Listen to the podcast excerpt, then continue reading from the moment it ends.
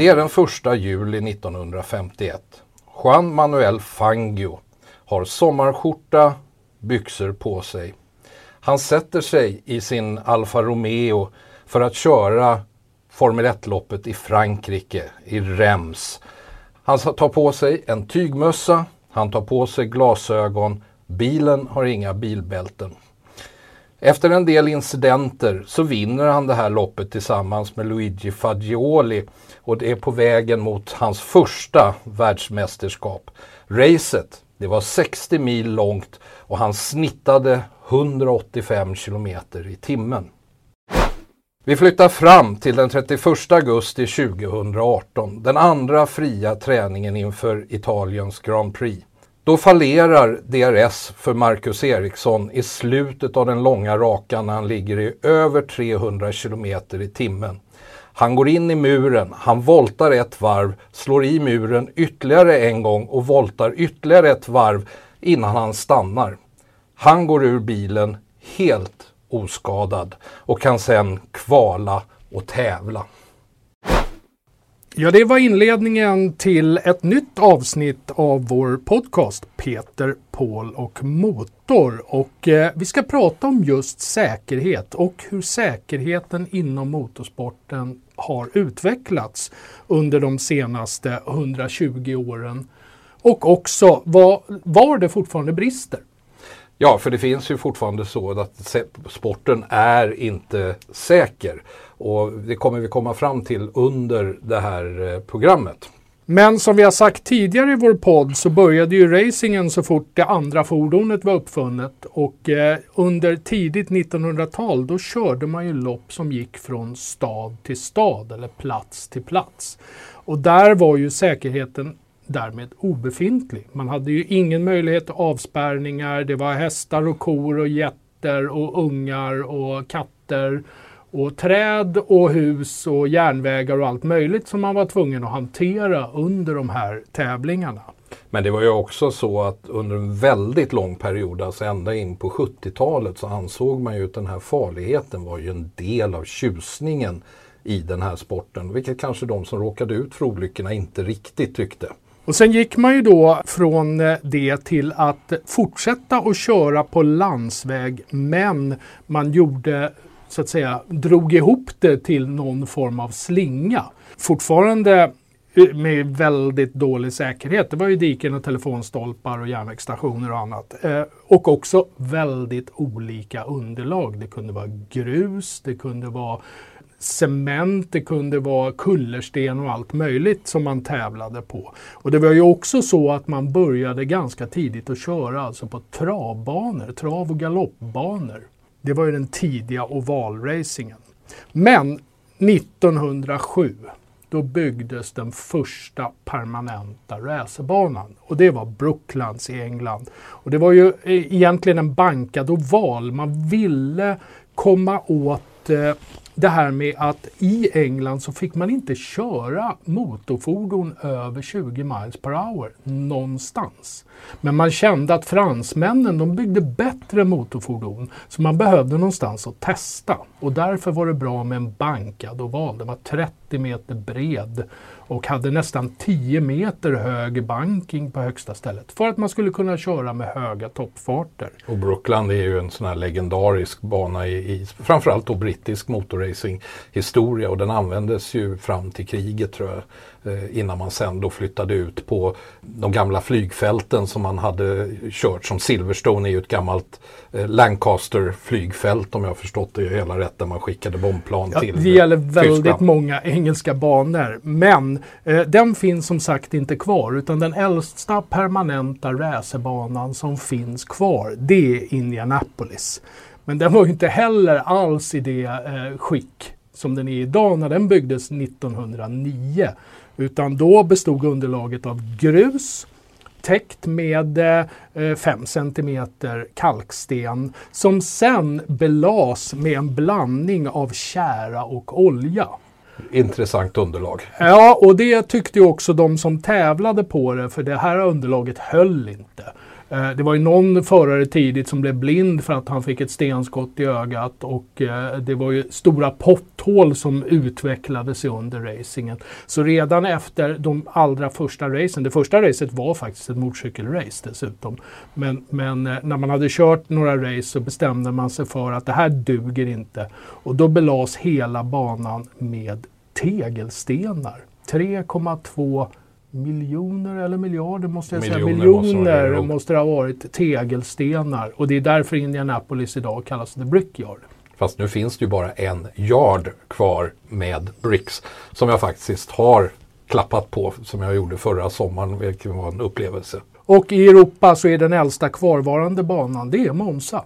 Eh, den var i och för sig belagd med makadam inledningsvis. Men, men eh, den är ju kvar och används fortfarande. Och även den här ovaldelen har ju restaurerats eh, nu 2010. Men man använder den ju inte för racing. Nej, och, och den är ju i mycket, långt, mångt och mycket kvar i sitt ursprungsutförande. Eh, Det är, den, det är två saker som har ändrats på den vid sidan av ovalen. Det ena är ju det är den som är, är första chikanen som kom till efter Ronnie Petterssons död eh, på Monza 1978. Och sen är det så att parabolikan var faktiskt inte där från början. Det var en mer fyrkantig eh, avslutning på racet. Men i mångt och mycket så är ju Monza likadan som den såg ut 1923. Och eh, när man nämner då tävlingsbanor före eh, andra världskriget. De går inte heller att komma ifrån det här med boardtrack. Man byggde alltså tävlingsovaler för både cykel och motorcykel av plankor. Ohyvlade plankor. Eh, och, Också ett eh, intressant underlag. Ja, och framförallt när man vurpade på det. De maskiner man använde framförallt då i USA, men det fanns faktiskt en boardtrack-bana även till exempel på Kungsholmen. Eh, men de var ju då ofta tusenkubikare som man bantade ner så de vägde så lite som möjligt. Ganska avancerade motorer med fyra ventiler per cylinder och sådär, men inga bromsar. Och så var ju inte däcken, ska vi säga på 10 och 20-talet, världens bästa heller. Men det var stora pengar i det här. Det kom massor med publik. Och tittar man på, om vi, banorna är en sak när det gäller säkerhet och det kommer vi återkomma till lite här vad man har gjort och lite vad diskussionen går idag till exempel. För den är ju fortfarande en pågående dis diskussion om hur säker en bana ska vara. För det finns ju en, en, en lite det, balansering där mellan olika saker. Det kommer vi till lite senare här. Men om vi ska ta och titta lite, så om man tittar på eh, utvecklingen så har det dels skett ett antal saker som har haft med eh, att kunna motverka vissa faror och sen så de sista åren så har det varit väldigt mycket för att kunna övervaka förarna och det kommer vi titta på nu då. För att om man tittar så att om vi säger ända, om vi då tar före kriget är en sak och det, det, det lämnar vi därhen för det, det är verkligen gladiatoreran. Men sen när man började då köra det här du sa, där man band ihop banorna. Ända sedan dess har man ju haft alltså det som kallas för marshals. Alltså folk som står längs banan som dessutom är utbildade på första hjälp och sånt. Så att eh, man har red, det var en av de första säkerhetsåtgärderna man gjorde att det skulle i alla fall finnas någon som kunde släpa ur bilen eller någonting sånt om det hände. Så det, det har faktiskt varit med ända sedan början till exempel av Formel 1 på början av 50-talet. Så det har alltid funnits marshals runt runt banorna. Men det dröjde alltså ända till 1952 innan man tyckte att man skulle ha hjälmar och det är ju inte någonstans i närheten av de moderna hjälmarna. Nej, de var ju gjorda av eh, pressat papper papper eller läder eller ja, andra material. Ja, kork. Kork hade ja, det, också. Det är som, ju lätt som i alla fall. stötdämpande material. Ja, och där har det ju sen hänt otroligt mycket och idag så är ju Det var ju Jackie Stewart som drev på säkerheten på slutet av 60-talet och början av 70-talet och det var han som drev fram det här att du skulle ha heltäckta hjälmar. Eh, bland annat så att du inte hade öppen hjälm som man körde med eh, oftast på 60-talet och så. Och det senaste egentligen stora då, förutom att de utvecklas hela tiden, det var ju när man gick över till kolfiber på början av 2000-talet. Och Jackie Stewart vill jag nämna där eh, just med tanke på det här du pratade om om funktionärer. Därför att han var ju huvudansvarig till att man fick till en ordentlig förarförening som började prata säkerhet. Och det berodde på att han körde av på spa när spa fortfarande var öppen landsväg. Den var ungefär dubbelt så lång bana som den är nu då. Och blev fast i bilen. Satt fast i bilen i nästan tre kvart innan han kunde få hjälp ur den och fick transport till sjukhus. Och eh, ambulansen körde honom till ett sjukhus som var stängt på söndagen. Då tyckte han att äh, det här måste göras bättre. Och sen dess började man då när förarföreningen fick lite mandat så att man hade speciella fordon för racingen på plats. Det skulle finnas ett visst antal ambulanser och bärgningsbilar och så vidare. Att man hade utrustning för att ta sig in i en kvaddad bil. Och att man också hade koll på vilka sjukhus som faktiskt var öppna. Och, och, då ska vi dessutom säga att eh, det som gör den här spa-incidenten extra otäck var ju det att han badade i bensin. Bensinen läckte ut. Så han var helt indränkt, så minsta lilla gnista så hade han blivit en eldboll. Och det var ju vanligt förekommande. För er som inte är insatta i F1-konstruktion så är det ju så att när man väl flyttade motorn bak till i bilen, då flyttade man fram föraren så gick så långt som möjligt, vilket gjorde att han blev väldigt utsatt för kollisioner. Och dessutom placerade man bränsletanken mellan föraren och motorn. Så man satt ju på över 100 liter bränsle. Eh, så att det, det var i stort sett en raket med förare i.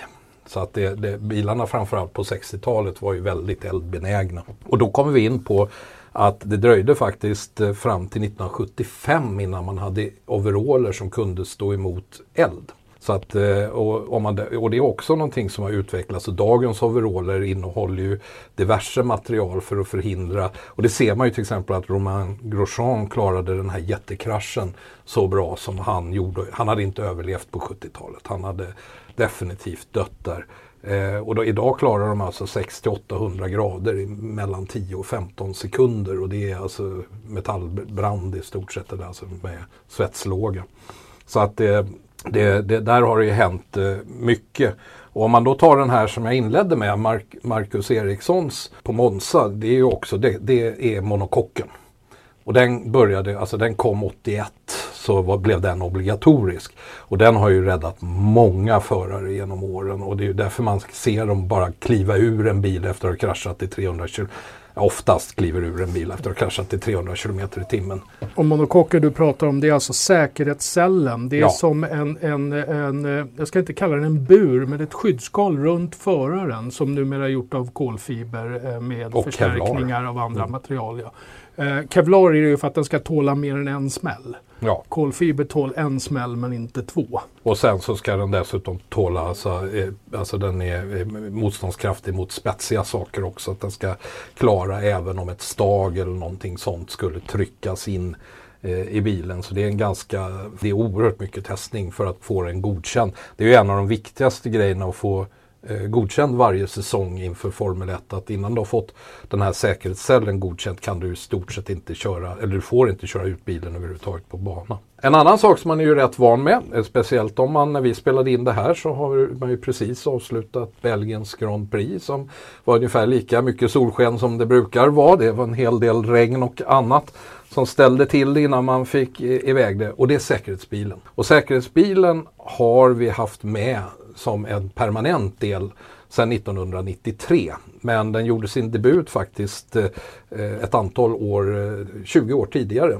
Den första gången man använde den var i Kanadas Grand Prix 1973. Problemet som hände då, och det är någonting vi kommer att återkomma till i ett annat program sen, eh, var att man råkade plocka upp fel ledare. Så det var inte förrän tre timmar efter att racet var slut man visste vem som faktiskt hade vunnit racet. Men numera och sen det är väl nästan 25 år nu som Bernt Mailänder har kört eh, säkerhetsbilen för Formel 1. Och man ska säga, ibland tror ju folk att det går långsamt. Men bilen kan alltså toppa mer än 315 km i timmen. Så det är inte så att den här säkerhetsbilen är någon, någon eh, Fiat Uno direkt som de trycker runt. Utan Eh, det bara visar hur mycket bättre väghållning till exempel en, en Formel 1-bil har jämfört med en sportbil. Så att eh, säkerhetsbilar är lite intressant tycker jag. Sen så en annan sak som faktiskt kom lite senare än vad man tror. Men det, det, det är ju det att eh, det här med fartbegränsning i depån. Det kom inte förrän 1994 och innan dess så var det ju en hel del incidenter och annat och man körde ju så fort man kunde i depån egentligen. Och det inträffade till och med dödsfall när teammedlemmar eller funktionärer inte såg sig för och sprang över depågatan. Och vi ser ju än idag att det kan bli riktigt trångt i depån i, i bilsammanhang framförallt. När folk ska in och ut ur depån i princip samtidigt och jättenära att krocka i fast lane och sådär. Så kan man ju tänka sig hur det skulle vara idag om de fortfarande hade haft fri fart i depån. Ja, och sen så kan man se att någonstans därefter på mitten av 90-talet, sen har man börjat titta på man ska kalla mer detaljerade förbättringar för förarna. 96 så kom det här med att du skulle ha eh, på sidan för att ge stöd åt förarna för att klara G-krafterna och klara att inte huvudet skulle röra sig för mycket vid en, vid en krasch. Så började man ju få eh, skydd på sidan av föraren. Eh, sen så var det 2003 så kom Hans till exempel, alltså Head and Shoulder eh, Protection som, som numera används i alla racerklasser mer eller mindre. Det var många som var emot den då. Man har också haft problem med det här att Halon till exempel, den kom ju efter att Harry Surtees fick ett hjul i huvudet och dog. Men det var ju redan när Senna dog, han dog ju av, av egentligen samma orsak. Och, men det tog ändå, trots att Senna dog 94 av det här, så tog det ända till 99 innan man faktiskt satte in kablar för att hålla fast däcken. Och det är sådana stora krafter så det är inte alltid det räcker ändå för dem. Det har vi ju sett eh, även nyligen att ibland så eh, lyckas man ju slå sönder hjulupphängningen så illa att, att hjulen lossar helt. Och sen så har man gjort andra saker då för att minska risken och det var ju egentligen, det tog till 2010 men det är ju incidenten med Jos Verstappen 1995 när hela bilen började brinna i depån så har man ju nu förbjudit tankning i Formel 1. Andra sporter eller andra grenar som Le Mans och andra har ju det av, av att de man måste ha det för att överhuvudtaget kunna köra. Men numera undviker man tankning om man inte måste ha det. Ja, undantaget där är väl Indycar, men där har man inte heller begränsat eh, bränsleförbrukningen på samma sätt som man har gjort i Formel 1. Där är ju också för att kunna köra så långa race som de gör så behöver de tanka. Men de använder ju då metanol istället. Och där finns fördelar och nackdelar för metanol går att släcka med vatten vilket du inte kan göra med bensin. Men däremot så kan det ibland vara svårt att se när metanol brinner för de, det brinner med nästan osynlig låga. Så det är alltid en, och det, men det är därför man ser, om man tittar på när de tankar i Indycar och så vidare, så ser man att de blåser, efter att de har tankat så, så sprutar de vatten där det har varit för att se till att det inte ska hända någonting. Men de sista tio åren så har det varit väldigt fokuserat på att förstå vad som händer med förarna i en krasch. Så att 2014 så kom den här, det kallas för en accelerometer som kollar hur mycket G-krafter och den sitter faktiskt alltså i örat på föraren, inte alltså pluggat in men den sitter tillsammans med deras, eh, hög, eller deras hörlurar så att säga som de lyssnar på. Och den, det är där vi har fått reda på sådana här saker att, att eh, Alonso utsattes för такие э, i en krasch. Det, det är sånt som man har fått reda på. Men sen finns det sånt som jag inte är helt säker på att folk faktiskt eh, vet om. Sånt här att de har faktiskt en kamera som är riktad mot föraren och som går med hög hastighet, 400 bilder i sekunden för att man ska kunna se vid en krasch exakt hur huvud och kropp rör sig. Och som sagt, eh, Halon kom ju då 2018 men även 2018 så tog man någonting som jag faktiskt inte visste om innan jag läste på det här. Och det är att man har biometrik i handskarna på förarna som dessutom har en radio radiosändare inbyggd i sig så att de ska kunna transmittera information om förarens puls och blodtryck och lite annat sånt för att man i en olycka ska kunna se vad som har hänt. Så med tanke på, vi hade Fangio då som gick i sin sommarskjorta in i bilen 1951 och till de här high-tech monstren vi har idag. Så det har trots allt hänt en hel del. Och vi ska ju säga det att Halon har ju redan förmodligen räddat flera liv. Du nämnde Grosjean, men vi har ju även eh, till exempel den här incidenten på Monza mellan Verstappen och Hamilton. Ja, där hade nog Hamilton fått en, en rejäl smäll. Ja, om inte det här. Och så hade vi Antonio Giovinazzi på Spa några år tidigare som också fick en bil, körde rätt över honom och utan Halo så hade det nog gått illa där också. Sen vill jag nämna hjälmarna. Eh, de fick ju en ordentlig uppdatering för några år sedan efter att eh, Filipe Massa fick en fjäder, alltså från en stötdämpare som lossnade i huvudet och fick ju ganska allvarliga skallskador. Han, var ju borta, han var ju borta ett antal race. Så att det är ju den andra, det är ju Harry Surtees och så är det Felipe Massas krasch eller smäll på, på Hungaroring som brukar anges som anledningarna till att Halon kom till. Och sen har ju den då gjorts i två varianter. En som används i Indycar och den som används här i Europa mer och den sprider sig även till mindre supportklasser så att säga. Men efter Massas incident så fick man ju också helt nya krav på hjälmarna där man fick då en kraftigare eh, del över visiret och en mindre siktöppning. Så att den skulle tåla mer. Och det kan ni se också om ni tittar på Formel 1 på TV att i, i, i formelbil så har man mycket tjockare visir än vad man har i andra motorsporter. Och om vi då går tillbaka till banorna så har det ju också hänt en, en hel del. Alltså på 60-talet så hade man halmbalar bland annat för att skydda då för att få ner eh, farten och det kanske inte var det bästa med tanke på att bilarna ofta tappade bensinen och så åkte de in i en halmbal och sen så blev det ju ett ganska bra brasa. Banorna har ju också hänt eh, mycket även om vi just nu har ju faktiskt en diskussion om hur mycket säkerhet vill man ha på banorna egentligen? Ja, för att eh, du var inne på det lite grann. Många banor efter andra världskriget byggdes eh, på eller vid gamla flygfält som hade använts vid kriget. Det var stora öppna ytor och bra redan lite färdig, kanske betong eller asfalt man kunde bygga racerbanor på. Och då hade man ju då i princip asfalt och gräsmatta. Det var det man hade. Och sen hade man ju då en bit bort läktare.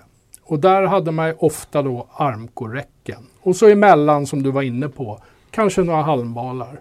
Som efter en rejäl regnskur lika gärna kunde ha varit gjorda av cement. Men sen så kom man ju på att det är bra om man kan få stopp på bilarna för det är väldigt svårt att bromsa på gräs. Då börjar man införa sandfoller. Ja, på gott och ont. Eh, var lite bättre på att få ner farten på mm, framförallt Även om vi fick sådana här situationer när folk rullade in i sandfållan med 10 kilometer i timmen och sen kom de aldrig ur den igen. Nej, och det leder ju till bärgningar och gulflaggor och säkerhetsbilar och sånt där som eh, man kanske inte brydde sig så mycket om i början. Man fortsatte racea fast det stod någon bil i sandfållan. Men det gör vi absolut inte idag. Nej, och det har ju med Jules Bianchis stöd mm. att göra när man hade arbetare ute på banan medan man fortfarande raceade. Han tappade kontrollen, körde in och så dog han ju sen nio månader efter Japans Grand Prix 2015 tror jag det var. Och så det man har gjort idag det är ju det här med att man har asfalterat stora ytor bredvid banan. Men det har ju lett till andra problem därför att finns det asfalt att åka på som man kan tjäna tid på så gör förare det. Det ligger i sakens natur. Ja, och det är ju det som har lett till alla de här track limits som har blivit ett otyg rent ut sagt. Och du var inne på halmbalar, eh, armkorräcken använder man ju både på gatbanor, då står det ju precis bredvid banan av naturliga skäl, men även då lite längre bort på permanenta vanliga banor. Och sen så kom ju eh, de här luftstaketen. Det var ju ett jättestort lyft framförallt för motorcyklisterna. Det var stora airbags som fångade upp så att man, om man då åkte av som man gled eller rullade ända fram till en barriär, att det fanns någonting som dämpade. Ja, det har ju hjälpt mycket i speedway också. Absolut. Jag menar, de hade ju bara plank tidigare och nu har de också luftstaket. Och på bilsidan så det som har hänt de senaste åren det är det här som heter Safer Barrier som, som man eh, började med i USA i Nascar och Indycar på ovalerna men som vi också nu såg till exempel användas i London i samband med Formel E som är eh, ett slags skumgummimaterial som är, där man har länkade sektioner som sitter ihop. Ungefär som de här däcksbarriärerna fungerade förut fast modernare och bättre än vad vi haft tidigare. Så det finns en hel del man har, har gjort när det gäller säkerheten. Men det finns ju de som eh, tycker att eh, motorsporten har blivit för säker. Och jag lyssnade bland annat för ett tag sedan med eh, en intervju med Mario Andretti där han liksom lite sorgset uttryckte att den här gladiatortiden var över. Han tyckte det var liksom ändå en del av motorsporten. Men är motorsporten för säker idag? Det kan man ju inte säga eftersom eh, det fortfarande är så att utövare av motorsport både drabbas av permanenta skador och i värsta fall omkommer. Och vad många kanske inte vet är att 2023 är ett av de värre åren på ganska många år inom motorsporten. Om vi bortser från Isle of Man som är sin egen lilla, lilla värld. Men i år har alltså sju förare mist livet. Det är inte bara Van Hoff som ju dog på spa här för en månad sedan utan det är alltså sju förare som har tappat livet i år. Och det är naturligtvis alldeles för mycket. Det måste man ju ändå konstatera. Och helt ofarligt kommer det aldrig gå att göra om du kör i 300 kilometer i timmen. Men jag tycker man visar ändå med det som vi har pratat om i det här avsnittet att det har gjorts oerhört mycket och man jobbar nu på väldigt hög nivå, avancerad nivå med vad man kan förbättra. Det är ju som, vi brukar prata om lågt hängande frukt och där har man ju liksom, man har tagit de lågt hängande frukterna och är uppe högt i trädet nu och plockar saker. Det man kan konstatera just med banracing som ändå är det vi följer mest och har tittat på mest så är det ju så att de flesta dödsfall där, både på två och fyra hjul, inträffar när eh, antingen en, en förare som har kraschat blir påkörd av en annan bil eh, eller motorcykel. Eller när en förare kör på någonting som inte borde vara där. Som du hade Jules Bianchi till exempel som exempel.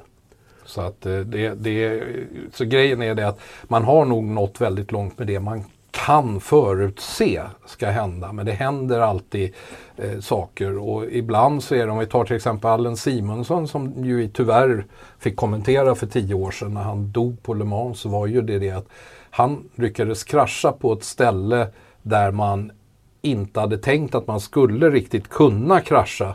Och med det så, så hade man inte träden som stod bakom räckena tillräckligt långt bort för att räcket skulle kunna suga upp all kraft i bilen och så omkom han på det. Men det är sådär att då någonstans så kan man inte alltid förutse allting. Men det kan också vara ett utslag av bristande fantasi hos de som besiktigar banan och också en utveckling att den typen av bilar som han körde har blivit tyngre och snabbare under åren. Så att banan som kanske var säker ett decennium tidigare inte är det längre. Och på tal om säker bana så måste vi då prata om Isle of Man. Du var inne som hastigast på det. Isle of Man är ju unik eh, som företeelse inom motorsportvärlden. Det är alltså en sex mil lång landsvägsbana där man två gånger varje år kör racing. Och eh, med den sträckningen och det ut, skick som så att säga den hela racerbanan är i, den går inte att göra säker. Det spelar ingen roll om du sänkte farterna till hälften. Det skulle inte gå att göra de här sex milen säkra. Så där sker ju dödsfall i princip varje år. Sen man startade att köra där 20, 1907 tror jag att det var man började tävla på Isle Man. Så att eh, det finns en utmaning men vi tycker väl ändå att eh, nej, motorsport är inte för säker än. Ja, och kan förmodligen inte bli det. Utan den kan bli säkrare och du var inne på 70-talet, 60 och 70-talet där man kallt räknade med att det skulle dö ett antal förare varje år. Så är det inte längre. Nej, utan det är mycket bättre och ingen räknar längre med att risken finns att dö som någon slags säkerhet. Utan det är ju olyckliga omständigheter som skapar dödsfallen idag. Och med det så tackar vi för att ni har varit med och lyssnat på det här avsnittet av Peter, Paul och Motor. Vi vill bara påminna att har ni några kompisar, som, om ni tycker om det här, om ni har några kompisar, det har ni förhoppningsvis, så kan ni gärna tala om för dem och lyssna på det här också. Men eh, tills vi hörs nästa gång, ha det så bra, hej då!